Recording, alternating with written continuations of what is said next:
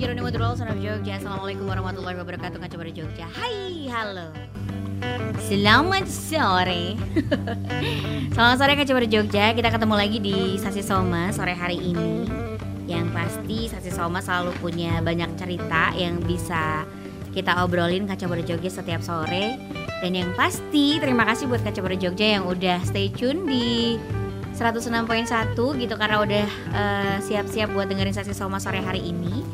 Eh, kita punya tamu loh hari ini, jadi jangan ke mana-mana. Dan juga kalau misalnya Kaca Baru Jogja pengen dengerin by streaming bisa lewat eh, Facebooknya Pak Ustadz tulisannya Munif Taucid ya kan? Terus dan di Instagram eh Facebooknya ya Babam itu juga ada. Jadi boleh ya boleh. Nah kalau emang ternyata kamu nggak bisa banget dengerin sekarang nanti dengerin lewat podcast Sasi Soma ya karena nanti akan di kita taruh di sana lagi nih biar Kaca Jogja bisa dengerin gitu. Tapi kalau yang bisa dengerin udahlah di sini aja. Yang mau tanya-tanya boleh ya di 0818641061 karena kenapa saya buka dari awal nih Kaca Jogja karena ini urusan sama penyakit. Biasanya pada rame. Oke Eh, ngomong-ngomong ke Baru Jogja, tema kita eh, sore hari ini adalah eh, sehat ala Nabi. Ini kaca muda. Seperti apa sehat ala Nabi? Eh, jadi suaranya gemak. Nah, gimana caranya? Nah, itu nih kaca Baru Jogja bisa eh, dengerin kita karena saya dan eh, juga selalu ada Pak Ustadz Munif Tauhid yang akan ngobrol sama tamu kita adalah eh, Mbak Dian Setiorini ini herbalis nih kan Baru Jogja. Assalamualaikum Mbak Ustadz. Waalaikumsalam warahmatullahi wabarakatuh muda. Alhamdulillah hari ini kita sore kita berjumpa lagi di Jumat sore ini. Mudah-mudahan kita acara kita rutin sasi sama ini eh, mendapatkan itu dari Allah dan tentunya membuat apa namanya kita mempunyai tabungan Mbak Ella di Amin, hari amin, akhir nanti ketika harus dihisap sama Allah. Amin, minimal ya Allah saya pernah di sasi uma pernah Iya. dengerin gitu. Mudah-mudahan karena karena ridho Allah kemudian ya sudahlah masuk sana kan gitu. Amin, amin, amin. Ah, baik. Eh, kali ini ini kebetulan eh, bintang tamunya spesial karena ini teman istri saya Mbak Ella.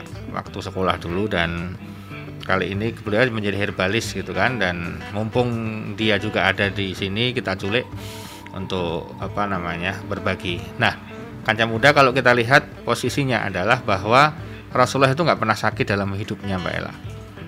Jadi beliau hanya sakit menjelang sedo. Bayangkan Mbak Ella. Dalam sejarah beliau nggak pernah sakit sama sekali dan hanya sakit menjelang sedo. Tengah-tengah pernah sakit karena diracun tapi kemudian terselamatkan karena atas izin Allah beliau mengkonsumsi kurma Mbak Ella. Hmm. Nah ternyata setelah pandemi ini terjadi orang baru ngeh dengan namanya rempah gitu kan seringnya sebutkan gitu Ya. ada yang mengatakan wuh lah kalau sini wedang wuh namanya ada yang namanya jahe dan kemudian orang mengulik ya mengulik herbal-herbal itu padahal jauh sebelum kita lahir jauh sebelum kita ada itu sudah tertulis semua. 1500 tahun yang lalu itu dalam hadis sudah disebutkan tentang manfaat-manfaat dari herbal yang Rasulullah konsumsi itu Mbak Ella. Bahkan tidak hanya dalam hadis Mbak Ella. Di dalam Quran pun ditulis sampai ada misalnya kita ambil contoh madu ya. Itu sampai ada surat An-Nahl Mbak Ella. Lebah. Betapa lebah itu produknya itu sangat luar biasa. Dan berani taruhan tapi itu dosa Mbak Ella orang diabetes itu mau minum madu sekilo insya Allah tetap aman kalau madunya asli saya bilang kalau Madunya asli. karena yang namanya madu asli itu apa ya dia fungsi utamanya itu sudah full kalori dulu kan yang namanya ketika di apa namanya Nabi Ibrahim waktu itu konsumsinya ketika bayi pun madu mbak Ella. Ya kan? Dari celah-celah itu keluar madu itu kan. Jadi kalau kita bicara literatur dalam Islam itu namanya madu namanya minyak zaitun namanya habatus sauda namanya kurma namanya kusul kustul hindi namanya wah banyak sekali mbak Ella. Termasuk siwa ya Mhm. yang digunakan untuk gosok gigi itu. Itu itu sebetulnya apa Mbak Ella? Sekarang ini atas izin Allah itu semua bisa di apa Mbak Ella? Bisa di ekspor ke Indonesia Mbak Ella gitu loh hadir di Indonesia gitu kan bahkan madu pun kita nggak kalah dengan madu-madu yang lain gitu kan nah Tapi Mbak Ela sekali lagi beberapa herbal kita itu sering sekali yang baik diekspor Iya. keluar. Nah kita giliran yang sisa-sisa. Kadang-kadang begitu. Ya. Nah di sini kancah muda kita harus yakin, nak Rasulullah nggak pernah sakit, hanya sakit menjelang sedo. Dan kemudian kalau dengan kurma, jadi begini loh, cara pandangnya. Jadi gini, mohon maaf ya, kalau anda sudah belajar tentang madu, tentang zaitun dan sebagainya, belajarnya itu sama Quran. Kalau kamu belajarnya sama literatur searching mesin searching itu Mbak Ella, Aha. itu nanti ketemunya sama gini tapi riset ini harus dibuktikan dulu tapi belum ada uji labnya tapi tapi tapi semua mbak Ella gitu loh apa kamu berani sama Quran bilang kalau sudah Quran bicara bagaimana khasiat zaitun tapi ini belum diriset ya Allah apa ya berani kamu ngomong nah kita itu selalu berani ngerit Ngelunjak kamu nggak oh, oh iya kan gitu kan kalau Rasulullah udah bilang masa Rasulullah itu sudah diuji belum dulu zaman jenengan ada lab nggak ya Rasulullah ya itu kadarnya berapa ya Rasulullah ya kurang ajar mau itu nah jadi kita itu pantas kita itu nggak pernah bagus kalau minum herbal karena nggak yakin dulu Mbak Ella Hmm. Nah, kalau orang Arab jangankan herbal, kambing saja sehat. Karena dia yakin kalau makan kambing itu sunnah Rasul, gitu loh. Mhm. Jadi persepsinya dibentuk dulu. Jadi kalau makan kambing itu sunnah Rasul. Rasul senangnya kambing. Kalau aku senang kambing, berarti aku sama seperti saya penggemar Rasul, gitu loh. Mhm. Jadi dia tuh mengasosiasikan diri dengan Rasulullah. Rasulullah suka kambing. Oh, berarti aku mau Jadi makan kambing itu bukan karena apa-apa, tapi karena Rasulullah senang kambing. Loh, sampai ada sahabat itu Mbak Ella. Begitu Rasulullah sudah meninggal dunia, kalau lewat tempat itu selalu berhenti.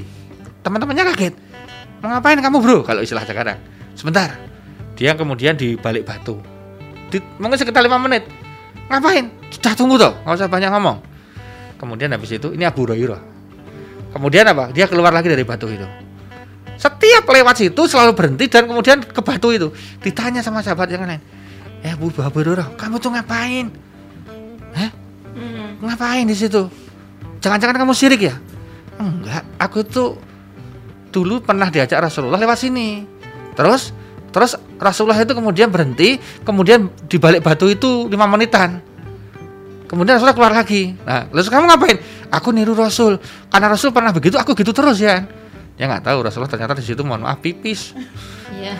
Padahal dia nggak ngapa-ngapain, dia nggak tahu Rasulullah pipis di situ nggak tahu. Ya ampun. Taunya dia itu di situ cuma Rasulullah cuma diem aja gitu kan. Nah, bayangkan sahabat itu sampai apa-apanya ditiru gitu loh. Lah mosok cara minum Nabi nggak ditiru gitu loh. Cara makan Rasulullah nggak ditiru. Makanan dan minuman Nabi nggak ditiru. Gitu. Kalau kita niru, sehatnya kayak sehatnya Rasul. Sehat betul. Dan Rasulullah itu bayangkan poso perang. Poso perang lah. Iya. Kita poso itu harus diundang "Sek, aku poso ya. Sek, aku poso ya. Rasulullah poso perang. Keren toh? Nah. Itu pengantar. Nanti Padahal kita kalau perang pas puasa ah beda. Dia energi. ah Aneh sekali. Jadi kena kali kalau dari dari sisi ini Mbak Ella sudah sangat teruji kan. Jadi kita nggak boleh lagi berani bertanya tentang khasiat-khasiat dari watini wa zaitun misalnya. Itu nggak boleh bertanya lagi. Yang bu- tanya apa dong sama mbaknya ya bukan ditanyakan adalah misal ya enggak kalau kita bertanya itu Iya. adalah bagaimana testimoni gitu loh. Oh, oke. Bagaimana pengalaman. Gitu itu itu itu yang ditanyain oh ya gitu. oke berarti kita akan menanyakan mengenai pengalaman-pengalaman dalam menangani pasien Dalam- salah satu pasien jiwa itu itu yang dari tadi bikin aku kepikiran oke Eh, kita ketemu sama Mbak Dian ini yang yang eh, eh, apa namanya eh, herbalis kanca muda Jogja yang eh, berarti kan obatnya adalah obat-obatnya ala Nabi nih obatnya ala Nabi itu apa aja Mbak Hai Mbak Dian selamat sore Sore, assalamualaikum warahmatullahi Waalaikumsalam wabarakatuh. warahmatullahi wabarakatuh Terus curhat banyak sama Mbak Dian Saya nggak ada persiapan ini, jadi bingung. Enggak, enggak, enggak. Oke, obat herbal eh, obatnya Nabi atau eh, yang biasa dikonsumsi Nabi itu apa aja, Mbak? Eh, kalau obat-obatan ala Rasulullah itu biasanya kalau kita paling enggak ada set- setidaknya lima ya Mbak ya yang biasa dikonsumsi sama Rasulullah rutin dikonsumsi sehingga eh, bisa menjaga kesehatan. Jadi sebenarnya herbal itu ada dua fungsi. Yang satu menjaga kesehatan biar dia nggak sakit, biar kita nggak sakit. Iya. Terus yang fungsi kedua adalah dia mengobati. Biasanya perbedaannya nanti cuman ada di eh, dosisnya aja. Kalau kita menjaga itu nggak terlalu banyak, nanti kalau kita pas waktu posisi sakit eh, dan sistem imunnya sudah terbentuk, itu tinggal ditambahin dosisnya sudah kelar gitu loh sebenarnya. Nah kalau eh, obat-obatannya apa aja itu ada lima dan memiliki fungsi masing-masing ini ada teritorinya gitu. Ada madu.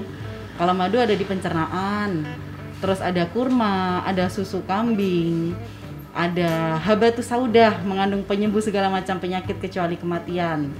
Terus ada juga apa ya aku tadi ya? Madu, batu, susu kambing, Zaitun eh, iya, Ah, kurma, ah. zaitun ya. gitu. Oke, jadi lima itu adalah yang dipakai buat eh, Enggak, itu lima itu dipakai menu sehari-hari. Menu sehari-hari. Gitu loh. Jadi jadi jadi jangan Tahan dulu. ini nih jangan salah persepsi Mbak Ella. Kan kanca muda. Orang seringnya kamu sakit ya minum madu. Ya nggak salah sih. Coba kalau kamu rutin minum madu lebih baik. lebih baik Oh, gitu loh. Jadi bisa bisa menjaga gitu sistemnya barrier. Karena gini, banyak orang bukan salah ya, tapi keliru mengonsumsi herbal itu karena setelah sakit baru konsumsi. Ya memang nggak salah sih, cuma herbal itu dikonsumsi ketika nggak sakit, dia mencegah. Oh, oke, mencegah Betul. dan menyembuhkan. Ha-ha. Iya, mencegah gitu. dan mengobati. Jadi kayak vaksin. Jadi dia ada dimasukin dulu lah istilahnya, sehingga ketika kena itu dia tinggal nambahin aja, kasih booster udah selesai. Oh, Gitu. Oke oke. Terus kalau dari dari Mbak Dian sendiri nih, eh, eh, kayaknya eh, paling enak ini adalah membicarakan tentang eh, se- beberapa orang yang konsultasi ke Mbak Dian. Aku nggak tahu nih kenapa ngik sih, Mas Cai. apa nih yang bikin Nih. ngik-ngik? Nah, eh, apa aja gitu yang biasanya sering banget sering banget dikeluhkan sama banyak orang gitu dan eh, bagaimana menanganinya? Apakah tetap cuman pakai lima ini Mbak atau apa yang harus dilakukan gitu gitu? Eh, kalau sesuai dengan yang terjadi saat ini, makin banyak yang mulai mengerti tentang herbal. Jadi makin lama makin banyak punya eh, orang-orang yang membutuhkan obat itu juga macam-macam. Kalau zaman dulu kan Mhm. paling cuman eh, flu, bersin, Iya, kayak gitu-gitu. Kalau sekarang lebih ke yang paling banyak nih ya, kanker, iya. stroke, terus GERD, lambung tuh. Hmm. Ah kayak gitu-gitu sama kan, sama, sama kata kayak tadi yang lagi diomongin. Tuh. Jadi beberapa beberapa penyakit itu sebenarnya tinggal kita cari di akar masalahnya ada di mana, kita Oke. benerin gitu loh. Itu aja sih. Kalau nanya tadi berapa banyak yang apa eh, konsultasi banyak banget gitu. Oke oke.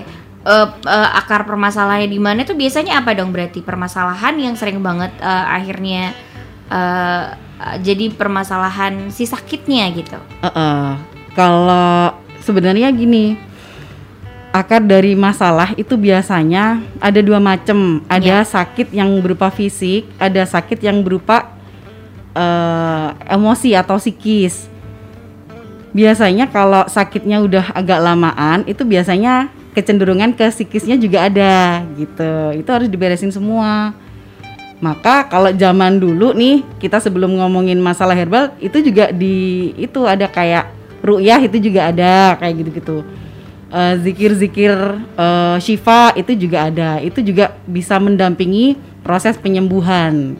Jadi psikisnya dibantuin, dirilis, terus tinggal nanti dikasihin herbal gitu. Oke, herbalnya dari Mbak Dian itu eh, lima ini aja atau ada yang lain sih Mbak? Banyak sih. Apa aja kan tuh? eh, setiap penyakit ada obatnya dan sebenarnya obat-obat yang terbaik adalah obat yang ada di sekitar kita. Mhm. Maka sebenarnya kalau orang-orang Indonesia ya yang paling baik kalau dia sakit ya obat-obatan yang ada di sekitarnya kita. Sedangkan di Indonesia itu sebenarnya dia memiliki eh, apa itu varietas ya tumbuhan herbal itu terbanyak di dunia nomor dua Iya. cuman itu masih belum terkelola dengan baik sebenarnya Hmm. gitu. Nah, maka kita di sini mencoba untuk mix and match gitu antara beberapa herbal-herbal kita gabungin jadi satu, kita ekstrak.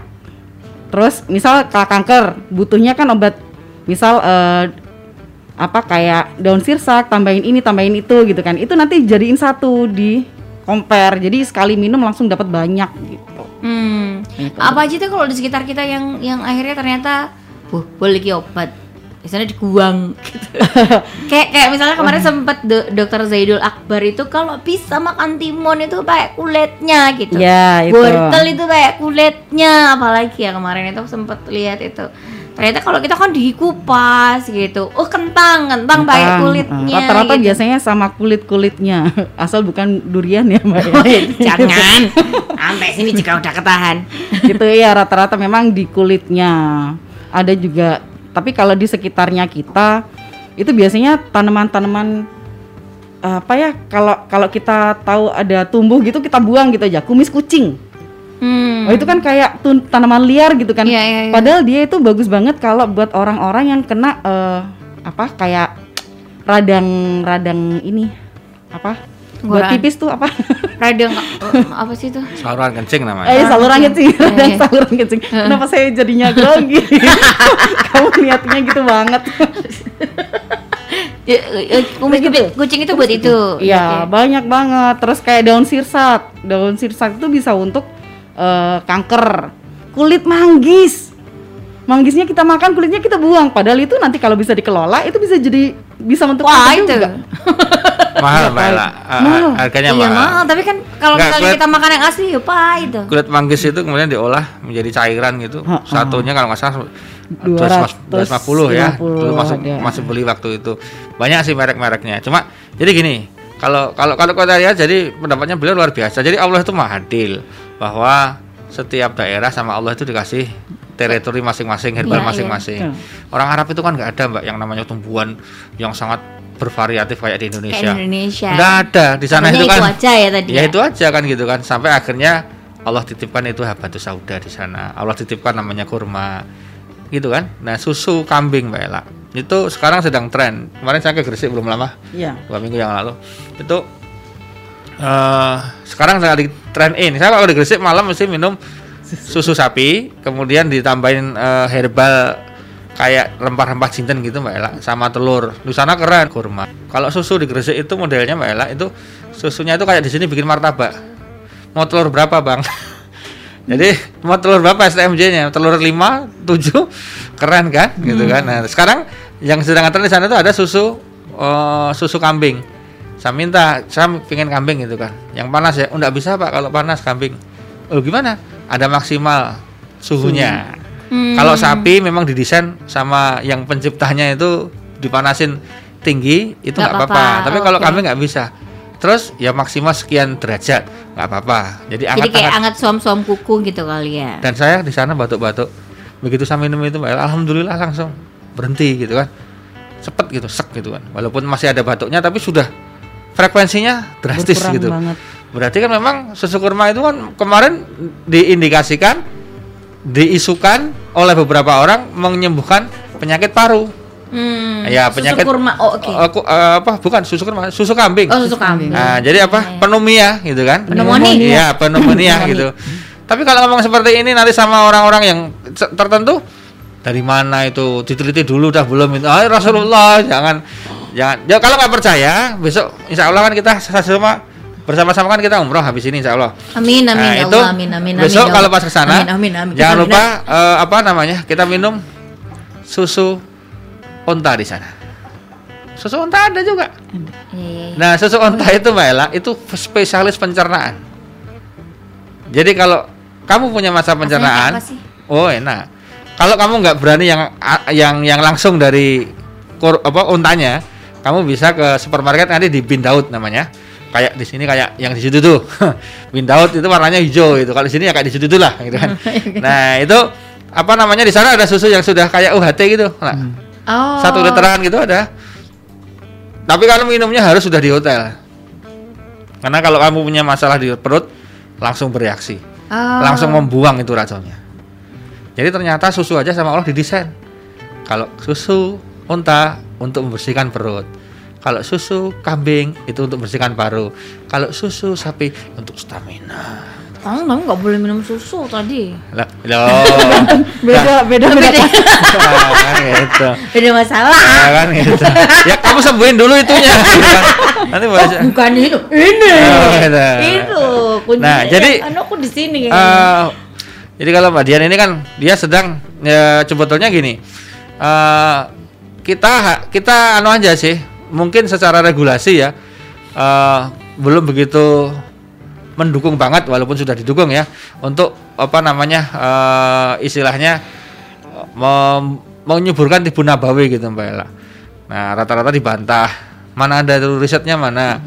Eh, penelitiannya mana? Seringnya begitu. Padahal itu tidak diriset. Ini kata Rasulullah. Ini firmannya Allah. Ya mau apa? Gitu aja. Kalau itu sudah. Jadi yang benar itu firman Allah baru diriset. Atau kalau perlu nggak usah diriset, Allah yang sudah ngeriset sendiri. Hmm. Ngapain kita susah-susah? Allah sudah ngeriset, Rasulullah sudah ngeriset. Masa sih Allah nggak pakai alasan. Oh, iya. Pasti ada alasannya. Nah, yang jadi masalah adalah masalah palsunya nggak palsu aja. Iya. Saya udah konsumsi madu, Ustaz, tapi nggak stamina saya nggak strong strong. Madunya asli nggak gitu kan? Itu gimana caranya nanti aja habis Oh, ini iya, kita ngobrol ya. oke, siap. Bedain madu asli sama enggak gitu itu yang paling yang paling paling ya kita buat orang awam nggak ngerti Oh. gimana caranya madu asli apa enggak gitu. Nanti eh, Mbak Dian tahu kan ya? Tahu lah, harus tahu, dong, harus tahu tahu. dong nih ini madunya tuap nih. Oke jangan ke mana-mana kaca pada Jogja nanti kita balik lagi di Sasi Soma sana sini soal agama dan kita masih barengan sama Mbak Dian eh, herbalis nih kanca muda. Kalau pengen tanya boleh lewat 0818 641061 kaca pada Jogja atau komen aja lewat Facebooknya Ustadz Munif Tauhid atau Facebooknya dari eh, Jeronimo FM. Stay tune terus di Sasi Soma sana sini soal agama.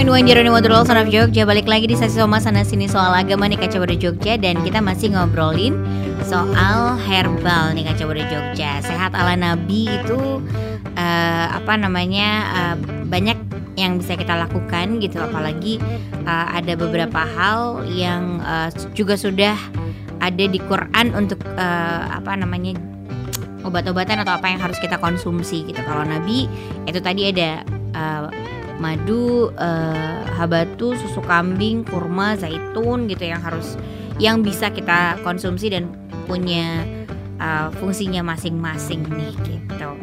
Oke, masih barengan sama Pak Ustadz dan saya. Pak Ustadz, Ya. kita terakhir sampai apa ya? Ya, kalau saya gimana cara ngetes madu yang asli misalnya? Oh iya betul. Nah, kalau madu yang kalau asli. saya gampang. kalau saya sangat Oh, iya. sederhana. Caranya sederhana kalau saya Mbak Ella. Apa? Ngetesnya adalah ya kamu beli dari siapa? saya nggak jauh-jauh. Saya ngetesnya lewat kayak hadis. Hadis itu kan ini perawinya siapa? Perawinya siapa? Sokeh nggak? Nah, dia termasuk sokeh atau hasan atau ahad atau mauzu atau doif. Nah, dia pakainya itu. Jadi yang jual yang jual madu siapa? Nah, kalau kita tahu itu sokeh orangnya, insya Allah clear Mbak Ella. Nah, jadi jual madu asli itu kalau versi saya adalah madu yang dibawa oleh orang yang kita percaya, trustingnya di sana. Gitu. Gitu. Ya, itu ya itu dari sisi saya, dari, Pak sisi Ustadz Iya. paling gampang gitu ya Kaca muda ya pinter banget doi tapi si pembawa juga harus meyakinkan bahwa dia membeli dengan asli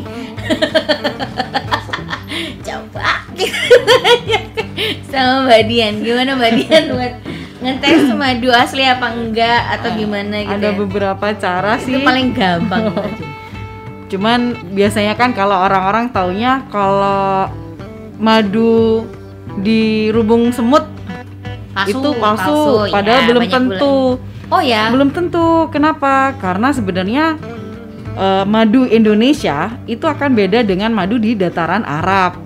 Karena di sana nggak pernah hujan jadinya kadar airnya dikit madunya lebih kental malah maka dia bentuk molekulnya lebih padat gitu loh oh Nah kalau di sini sering hujan, terus banyak tanaman-tanaman tuh, itu bisa jadi madunya lebih cair dan dia lebih mudah untuk terserap.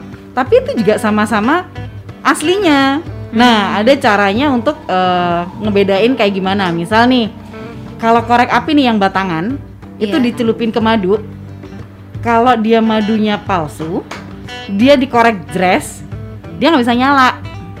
Oh oke. Tapi kalau dia asli, dicelupin maju, madu, terus habis itu, Itu dikorek nyala? dress, itu nyala. Gitu. Oh.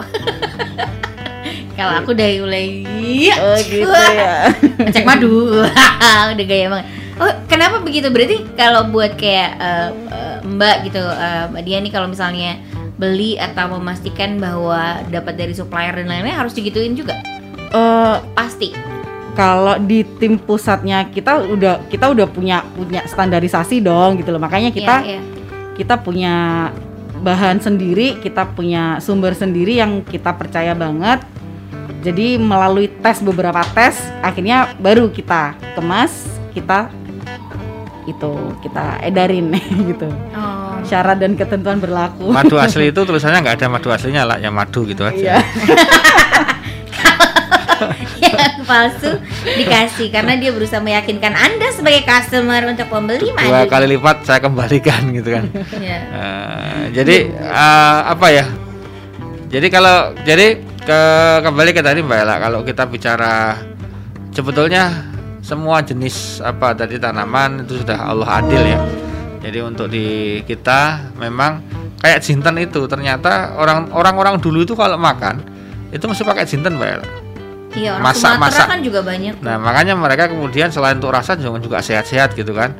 Nah, sekarang itu kan sudah bergeser Mbak Ella dengan micin dengan yang lain-lain gitu kan sehingga ya otomatis penyakitnya muncul. Jadi sebetulnya Allah desain yang namanya tanaman. Kalau nggak percaya sekarang kamu masuk aja Mbak Ella ke mall. Kemudian di sana ada toko-toko obat Mbak Ella.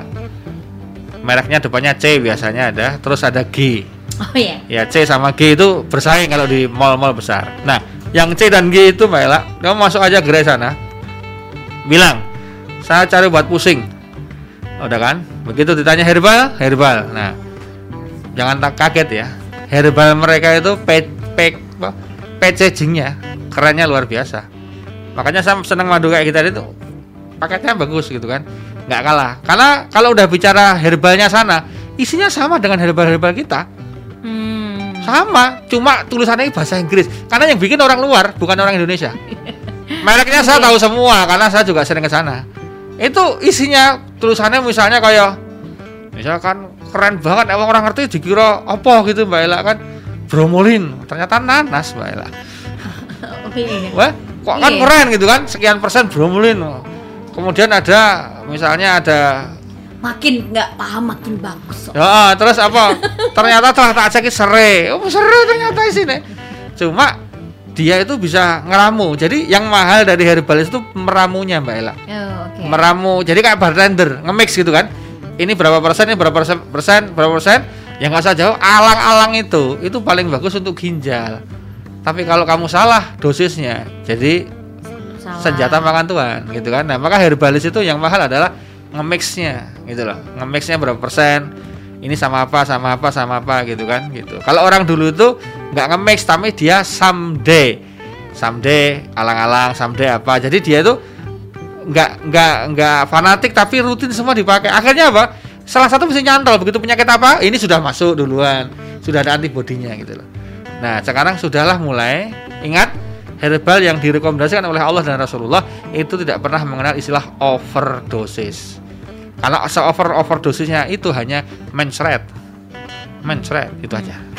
Madu kamu satu botol tadi silakan diminum, pasti cuma mencret, mencret. Hmm. Gitu. Habatus sauda kamu minum itu satu bukan ya, satu toples gitu kan isinya 100 misalnya. Kamu minum semua paling mencret itu aja. Itu pun mencret karena itu reaksi tubuh eh, untuk detoksifikasi. Hmm. Jadi racun-racun dalam tubuh itu dikeluarin. Caranya gimana? Ya itu tadi gitu loh. Keluarnya lewat itu gitu. Jadi tapi satu. lah enggak ini Enggak. enggak enggak saya bilang awal-awal ya, awal-awal enggak enggak bukan. Saya bilang ada overdosisnya di situ loh. Iya iya iya. Nah, iya. kenapa? Jadi Karena- hanya efeknya tuh sebenarnya tidak terlalu besar. Ya, karena di dalam situ di dalam di dalam hadis itu nggak dijelaskan rinci berapa kali ma maamnya berapa banyak itu kan Iya juga loh. muncul muncul sebelum makan itu sebetulnya setelah ada riset muncul, Oh, oke. muncul sebelum makan itu ada riset tapi sebetulnya mau makan atau nggak makan nggak masalah cuma herbal ini kenapa direkomendasikan semua sebelum makan agar dia menjadi untuk apa namanya melapisi gitu lah. barriernya. Jadi Ya, dia gitu. kalau langsung kena ke lambung dia penyerapannya bisa optimal gitu loh. makanya semua herbal mesti tulisannya adalah Sebelum disarankan Sebelum sebelum makan, Oh. dalam keadaan perut kosong masih gitu Madu juga. Se- Iya, oh madu malah perut kosong paling Bagus. bagus Betul. Oh. jadi bangun tidur sebelum kena apa-apa madu. kasih madu itu keren banget batu. wah gitu itu ya. keren banget jadi Balik no aku berarti yo. ya pantes gitu Makanya nggak kelar-kelar ya. nggak kelar-kelar makanya pagi itu kalau loh lah Ya. ini testimoni kalau saya pagi kalau sudah konsumsi zaitun habat misalnya gitu itu saja langsung kayak mendadak kenyang Panggilan. Oh. nggak kenyang Oh. ya kalau panggilan alam ya tapi kenyang akhirnya makanya betul kalau Yadul Adar mengatakan kamu kalau sarapan itu aja udah cukup kita kan sering persepsinya apa iya ya karena kita nggak belum Nasi pernah- goreng kalau Indonesia itu. oh, ya beda Gudeg itu baru cukup. ya sekali-kali ya nggak apa-apa jadi kita itu nggak boleh jadi orang kemudian melarang makanan-makanan yang halal gitu loh yo budek yo halal nggak apa-apa yang nggak boleh Tapi itu bisa ya berarti. Ya, bisa jadi- jadi herbal tuh- bisa. Ya, jadi kalau udah bicara seperti ini, jelas ya dari Mbak Dian sudah keliling dia dari kemarin ke mana-mana, eh, kliennya juga banyak. Intinya kan mereka itu sebetulnya silaturahmi, kemudian jualan produk itu anu aja, apa istilahnya toolsnya aja. Tapi nama itu mereka kan sebetulnya tergabung bersama-sama. Ternyata mereka rata-rata alumni PPA, Iya. ya. PPA itu pola pertolongan Allah. Jadi ternyata Iya, iya. pertolongan Allah itu bisa dipola, di, ada polanya maksud saya. Jadi bisa di apa? Bisa di, di apa? diikutin. Bahasa kasarnya gini lah. Kan kita selama ini nggak pernah tahu gimana sih cara dapat pertolongan dari Allah. Kita kan selalu pengen dapat pertolongan, tapi nggak pernah tahu caranya dapat Pertolongan. pertolongan. Insya Allah cuma depan kita bahas itu. Gimana caranya dapat pertolongan Masih dari di Allah? Ya kan? Oh, sama saya nggak apa-apa kalau Oh, ini. iya. Ini juga alumninya, ini juga alumni. Ternyata baru tahu. Eh, eh, ini ada yang nanya Pak Ustadz. Yo. Assalamualaikum Pak Ustadz, Mbak Ella, eh, Mbak Yani. Hai, ini rajin banget Mbak Yani Hmm. ini buat dengerin si Soma selalu eh, diusahakan dengerin setiap minggu. Kalau kita nggak ada ntar ditanyain. Assalamualaikum Pak Ustadz, Assalamualaikum. Mbak Ella, Mbak Dian mau nanya, kalau untuk sakit stroke apa herbalnya akibat jatuh nih? Hmm. Beda nggak dengan usia produk yang kena stroke? Eh, beda nggak dengan usia produk dan yang kena stroke lanjut usia? Oh, mungkin pertanyaannya stroke yang mana Mbak Dian? Stroke eh, karena memang sudah menumpuk kayak Mas Tukul Oke. atau stroke yang kemudian karena dia jatuh. Nah, ini gimana pengalaman pasien gini. silakan. Jadi kalau stroke itu ada beberapa macam ya. Penyebabnya apa? Ada yang karena kolesterolnya tinggi, itu biasanya pecah pembuluh darah. Ada yang karena dia darah tinggi atau eh, diabetes itu juga bisa. Itu biasanya eh, ada penyumbatan. Sebenarnya tapi eh, metodenya juga yang digunakan insya Allah akan sama. Cuman tergantung nanti akar masalahnya ada di mana itu beda. Tapi untuk eh, membedakan stroke ini 0 sampai 1 bulan kalau dia langsung tertangani itu akan lebih mudah karena masih belum ada kekakuan otot. Ya. Nanti kalau sudah 1 sampai 3 bulan itu ada perbedaan lagi penanganan. 3 sampai 6 bulan itu ada beda lagi. Hmm. Makin parah kan makin kaku makin kaku. Nanti kalau sudah 6 bulan atau satu tahun ke atas itu lebih harus apa ya? Mesti ekstra lagi mulai dari mulai dari terapinya sampai dengan herbalnya sendiri itu juga beda lagi gitu. Jadi tergantung dia masih ada di bulan keberapa. Akar masalahnya ada di mana? Kita cari tuh akar masalahnya kayak Oh, jadi gimana. penanganan sama herbalnya juga akan berbeda. beda dong. Oh, oke. Berarti tetap harus konsul. Iya, heeh. jadi kita mesti harus tepat diagnosa, itu akan bisa jadi tepat penanganan, tepat herbal, tepat terapi gitu loh. Jadi bisa langsung tek tek tek tek. Tapi kalau misalnya misalnya nih Mbak, kalau eh, Mbak Yani ini eh, mungkin ada keluarga yang kena stroke gitu. Apa yang paling baik paling baik diberikan terlebih dahulu sebelum akhirnya kan kita kan mungkin cari herbalis, cari orang yang bisa eh, eh, apa namanya mencari akar permasalahan dan lain-lain itu kan pengetahuan kita bisa jadi kurang tuh gitu. Mm. Tapi eh, sebagai manusia biasa, ah kalau pakai cara Allah nih atau pakai eh, sesuatu yang disarankan Allah nih paling paling oke itu apa dulu gitu. Kalau di wilayah herbal nih sebenarnya kalau di wilayah stroke itu mesti kita cari di di syaraf kepalanya sendiri dia butuh apa. Di situ bisa pakai ginkgo biloba. Oh, oke. Kita juga bisa pakai eh, minyak ikan. Mhm. Kita bisa pakai pro- eh, probiotik kayak Golden Pro itu itu bisa itu cepet banget dia syarafnya kena. Karena kalau yang ini tadi yang probiotik yang ini tadi dia berisi beberapa herbal. Jadi dia bisa dia bisa nyaut ke otaknya di syaraf kepalanya dan juga organ-organ dalamnya itu juga bisa dapet gitu loh. Jadi kalau bahasanya sederhana gini Mbak Ella, misalnya kayak minyak ikan tadi ya. Hmm. Jadi minyak ikan itu kan kalau bahasa kan omega 3 Iya, gitu kan. iya, iya. Eh, atau bahasa kasarnya stroke itu kan oksigennya Berkurang. susah masuk Iya. ke otak. Nah, makanya kemudian dibantu agar suplainya bagus itu dengan squaa namanya. Omega. Ah, Iya, kan ada ada omega tok, ada namanya squaa. Mereknya macam-macam. Tapi squaa, nah itu ikan ternyata. Nah, Maha besar Allah di Jazirah Arab susah dapat ikan. Gitu kan? Gitu Iya, kan? Susah iya, dapat iya, ikan. iya, nah, iya. makanya kemudian apa Diganti apa, apa? itu substitusinya? Nah, ternyata ha- habatus Habatus sauda. Habatus. Nah, Iya, nah habatus sauda ini yang orang jadi gini, kalau udah kena kayak gitu Mbak Yani, itu saran saya adalah sekali minum sudah tujuh Heeh. gitu. Iya, tujuh butir. Jadi pagi s- tujuh butir, sore nanti tujuh butir. Jadi pagi, sore, pagi, sore tujuh butir gitu terus. Gitu kan. Jadi eh, Why seven? Eh, kayaknya ganjil-ganjil. Oh, oke. Jadi ada Kenapa nggak lima? gitu. Eh, ini sudah parah. Sunnahnya tujuh gitu loh. Ah, iya. Jadi ada beberapa sih kalau kalau kita ngomongin masalah habatus sauda di sini juga ada beberapa apa ya kalau kita ngomongin beberapa merek Iya. ini khasiatnya satu dengan yang lain beda. Jadi kalau dia masih berupa bubuk dia minumnya harus lebih banyak lagi. Tapi kalau si bubuk ini dijadiin minyak itu Dikit lebih aja. dikit lagi karena itu Oh. udah enam kali lipatnya si bubuk gitu loh. Oh iya. Nah iya, dari iya. enam kali lipatnya si bubuk ini tadi itu bisa diekstrak lagi lebih bagus lagi gitu. Makanya memang butuh konsultasi lebih jauh kalau kayak Nah, gitu. jangan-jangan beberapa sebetulnya kalau kalau kalau bahasa yang lain ya, jangan-jangan eh, obat-obat jangan-jangan yang sering dipakai oleh orang-orang itu sebetulnya herbal cuma Cuman- dia nggak mau ngakuin gitu. Kayak ada ada yang begitu ada. Ya, du- diduga begitu Mbak Ella. Eh, dia nggak mau nyebut nama nama dia, dia namanya nama dia, tapi isinya sebetulnya Itu. itu sama. Oh, iya, gitu. ada, ada. Ada, ada. Oh. Iya, jadi ada. Jadi kenapa? Gengsi gitu kan kadang-kadang gengsi, males gitu kan kadang-kadang atau wah nggak enak sama temen nih, nggak enak sama perusahaan, nggak enak sama itu dan sebagainya. Nah, saatnya lah kemudian karena orang-orang herbalis ini kan mengancam sebetulnya bagi orang tertentu maksud saya. ya. Iya, Ta- iya. Tapi kalau nawaitunya adalah menyembuhkan, menyehatkan bersama-sama agar badan enak, setelah enak sholat tahajudnya mantep, Tuhannya mantep, puasanya oke, gitu kan? Nah, di situlah kemudian nawaitunya udah beda. Maka kalau kita berobat itu nawaitunya ya Allah aku sembuhkan aku, aku pengen ibadahnya enak. Itu harusnya gitu. Jadi kalau gitu nawaitunya udah beda gitu kan. Nah, jadi kalau kita lihat sekarang sudah apa ya Mbak Ella?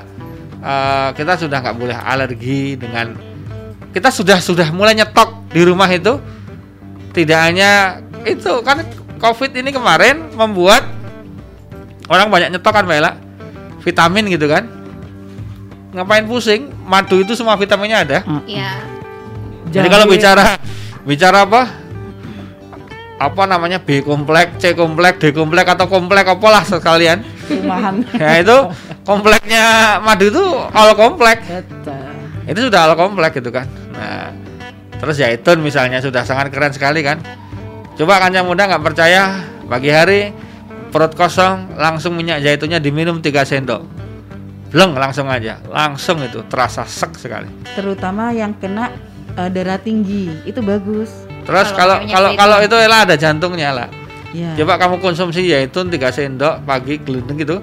Nanti di dada sebelah kiri itu kayak ada nyeri-nyeri. Itu sebenarnya sedang mereparasi. betul Nggak percaya coba aja. Aku coba. Pengalaman soalnya, praktisi. Iya gitu. Jadi langsung kelihatan nyeri-nyeri gitu kan. Nanti kalau di perut nyeri-nyeri ya ada. Jadi sebetulnya minyak itu sudah luar biasa. Cuma cara dapatin minyak zaitun yang asli, Nah, itu yang bener itu memang tidak mudah gitu kan. Nah, merek-mereknya eh, macam-macam gitu kan. Dan zaitun itu memang paling bagus tidak untuk masak.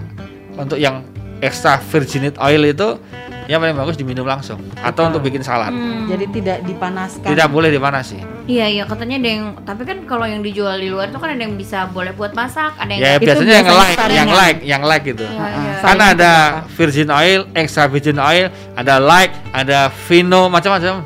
Kalau kalau kita bisa nggak sih yang minyak zaitun yang biasa ada di eh, toko-toko supermarket itu Ada, atau tapi tulisannya extra virgin oil. Oh, itu bisa. Cuma kalau nah, itu bisa. Cuma kalau kamu pengen untuk penyembuhan yang keren, itu yang aslinya di Palestina. Dari Palestina yang pakai keren. Oh, oke, Val. Iya, Nah, oke. dari Palestina nanti klik itu sudah banyak. Minyak-minyak keluar yang dari Palestina itu sudah banyak dijual online. Asli Palestina. Oh, asli dari Palestina. Ya Palestina. Oh, oke. Eh, bukan namanya atau eh, Bukan, bukan. Ini dari Palestina, oh, iya. dataran Palestina. Dan di sana memang wah luar biasa. Itu memang Subur-subur suburnya luar biasa. Jadi kalau kalau bicara hadis itu kan tidak di timur, tidak di barat, tengah-tengah ya Palestina. Palestina. Pas itu. Hmm. Jadi itu dan beberapa perusahaan herbal itu sudah ngapling. Ya ngapling istilahnya suppliernya dari Palestina ada rutin nanti dia kasih merek sendiri. Jadi di sini sang kita kan nggak jualan produk, kita jualan bahwa sekarang orang sudah aware semua. Sekarang udah berburu madu, berburu zaitun, berburu Habatus habatus sauda, Ya, ini. yang masih kurang itu susu kambing. Iya. Susu kambing. Ya, di di sini kurang, di, di Indonesia masih agak kurang. Iya, Lumayan ada ada di mana-mana juga tutup. Lah iya makanya, maksudnya Lama-lama tutup dia. Nah, karena orang belum apa Awarenessnya kurang Oh, tinggi ya. padahal itu bagus kalau eh, kalau edukasinya bagus, tempatnya menarik, kemudian dikasih rasa-rasa gitu kan. Itu beda. Bahkan sebenarnya kalau susu kambing itu dia molekulnya 20 kali lebih kecil daripada susu sapi. Dia setara dengan ASI. Maka ketika ada ibu yang melahirkan terus dia meninggal, anaknya perlu susu dan gak ada orang yang lagi menyusui, itu bisa pakai susu kambing loh. Ya, Ya, kolostrumnya hampir sama, tapi nggak sama. Heeh, hampir sama hampir sama, tapi nggak nggak sama ya. Oh, oke. Ya, jadi Yang gitulah bubuk Hampir atau yang asli? Yang asli dong. yang Oh, asli. oke. Jadi ini saya luruskan di sini. Orang kalau bicara susu selalu negatif. Yes, karena diekstrakan atau dibikin bubuk. Begitu udah bicara asli murni, Amish. Apa namanya? Itu orang sudah persepsinya jelek gak enak kan? Iya, Padahal itu yang terbaik. macam-macam. Amis tuh Bagi? Anda yang membenci susu tolong dicatat. Rasulullah ketika Isra dan Mi'raj di Sidratul Muntaha apa suguhannya dari Allah? Susu. Gitu. Oh. Oke. Oke ya? Iya, waktunya habis. Oh iya sudah penyiar selanjutnya sudah siap. Tidak terasa. Terima kasih Mbak Dian ya. Sama-sama. Wah, mestinya masih banyak yang bisa digali-gali ya kan coba Jogja. Eh, mudah-mudahan bisa kapan-kapan nih ngajak Mbak Dian lagi buat ngobrol sama Pak Ustadz gitu ya. Eh, terima kasih Mbak Dian waktunya buat Ber Jogja. Kapan-kapan kita ngobrol lagi soal seperti ini. Jadi coba deh kamu cari-cari dan rubah pola eh, apa yang kamu konsumsi dengan eh, yang biasa dikonsumsi sama Nabi. Mudah-mudahan kita selalu sehat ya Kaca Ber Jogja. Oke. Amin. Eh, Ella pamitan ketemu lagi nih Kaca Baru Jogja minggu depan di hari Jumat sore jam 4 sore dan jangan lupa buat dengerin lagi Sasi Somanya lewat podcastnya Sasi Soma Kaca Baru Jogja sore hari ini nanti bisa didengerin lagi di podcastnya Sasi Soma ya atau bisa ke Facebooknya Ustadz Munif Tauhid dan juga di Facebooknya Jeronimo FM Kaca Muda. Oke, mohon maaf kalau ada salah-salah kata. Love CCNU. Assalamualaikum warahmatullahi wabarakatuh. Bye bye.